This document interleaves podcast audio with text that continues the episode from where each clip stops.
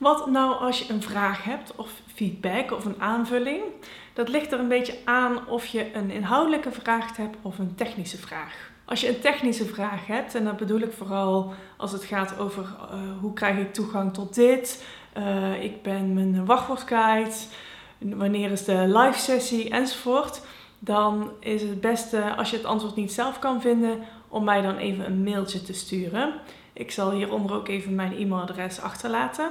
Of mij een privébericht, een DM te sturen op Instagram. Als het een inhoudelijke vraag is, dan kan je een paar dingen doen. Je kan hem op Instagram stellen, ehm, in het besloten Instagram-account. En op deze manier kunnen anderen ook jouw vraag uh, lezen en ervan leren en jou ook antwoord geven. Je kan hem de vraag ook in de live sessie stellen. En dat vind ik zelf ook heel erg fijn, omdat dat ook uh, wat voor de live sessies wat input geeft. Maar mocht je iets aan mij persoonlijk willen vragen, dan kan dat ook. Dan kan je het beste via Instagram een privébericht, dus een DM sturen.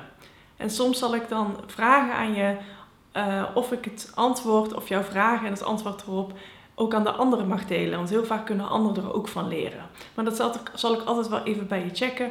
Misschien zijn sommige dingen te persoonlijk, dat snap ik ook. Als je een aanvulling of een extra tip hebt, dan zou ik zeggen, deel hem vooral ergens waar anderen hem ook kunnen zien. Dus dat is vooral een Instagram. En als je feedback hebt, dus specifiek op de cursus of op hoe ik dingen aanpak, dan liever naar mij persoonlijk.